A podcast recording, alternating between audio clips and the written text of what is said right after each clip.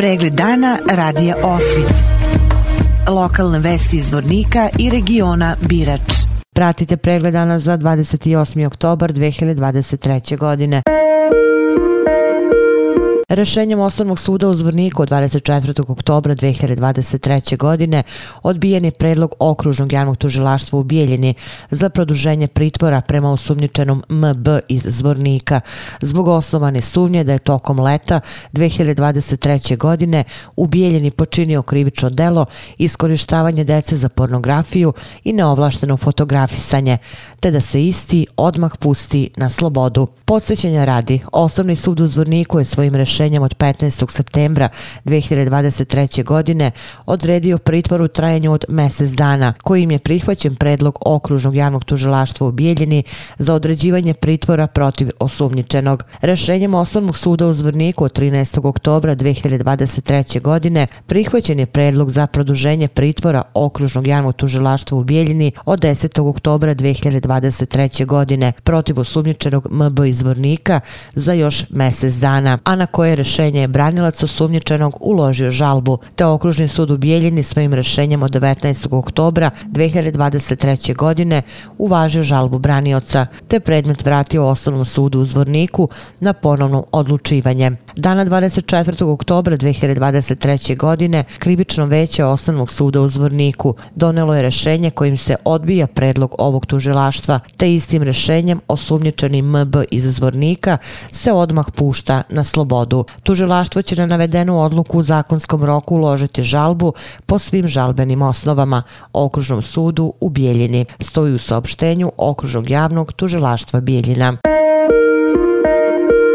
Ohrabruju i vraća nadu da naša deca pokazuju daleko više osjećaja da pomognu u humanim akcijama. Zadnji organizovani humanitarni bazar za prikupljanje novčane pomoći za Maju Katanović pokazali su da rado svoj džeparac daruju kao novčanu pomoć. Ovih dana odrasli su imali priliku da u humanosti uče upravo od svoje dece. Učenici javne ustanove Tehnički školski centar Karakaj u gradu su organizovali humanitarni bazar prikupljanja pomoći za Maju Maju Katanović. Skromno, ali od srca. Pripremili su na dva štanda proizvoda i kutiju za ubacivanje novčanih priloga. Uspeli su prikupiti 1961 konvertibilnu marku. Ono što nas je prijatno iznenadilo je da su najmlađi učenici koji su prolazili, bilo da idu na časove u školu ili sa časovo kući, bili ti koji su svoj džeparac rado ubacivali u kutiju.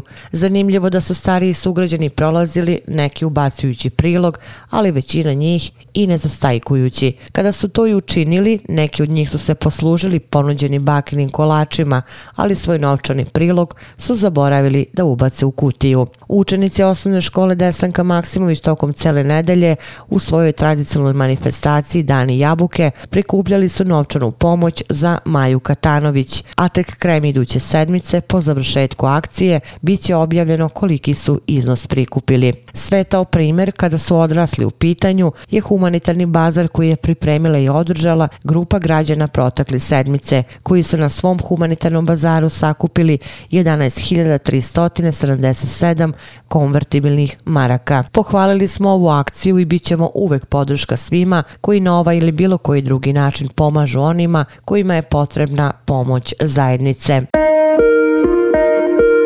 Da je hor Doma kulture Bratunac u mesto gde rastu talentovana deca videlo se i prošle godine, kada je Dušan Stajić, član hora Ludmer, osvojio prvo mesto na festivalu Minja Subota u Beogradu. I ove godine Bratunac može da bude ponosan na soliste svog malog hora koji u opštinu Bratunac nose čak tri nagrade. Prošlogodišnji dobitnik prve nagrade Dušan Stajić i ove godine osvojio prvu nagradu. Lorena Jovanović osvojila je također prvu nagradu, a Dorotea Vukosavljević osvojila je drugu nagradu. Takmičari su bili podeljeni u četiri grupe u skladu sa uzrastom, a ocenjivali su ih muzički pedagozi i stručni žiri Dečije kulturnog centra Beograd. Dečiji hor Ludmer iz Bratunca i 40 dece već godinama uspešno vodi profesorica muzike Željka Malović uz podršku Doma kulture Bratunac.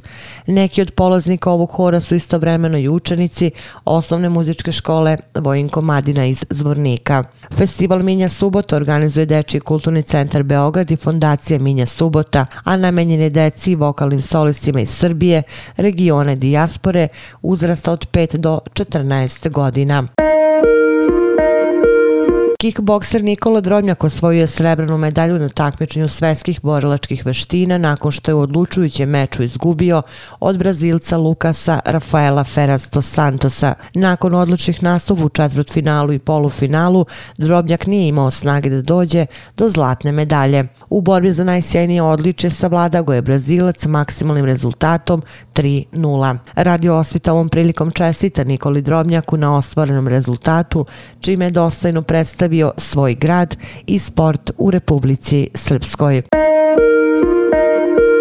Vesti iz Loznice. Muzej Jadra i Centar za kulturu Vuk Karadžić ugostili su sinoć Beogradski PTT muzej koji se predstavio izložbom godina pre veka, 99 godina, radiofonije u Srbiji. Autor postavke je lozničarin Miodrag Ligorić, inženjer elektrotehnike, koji živi i radi u Beogradu, a posetioci su mogli da vide 30 radioaparata iz njegove lične kolekcije iz perioda između dva svetska rata.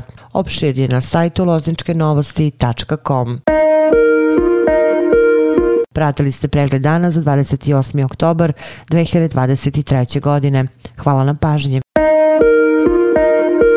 Pregled dana radija Osvit. Lokalne vesti iz Vornika i regiona Birač.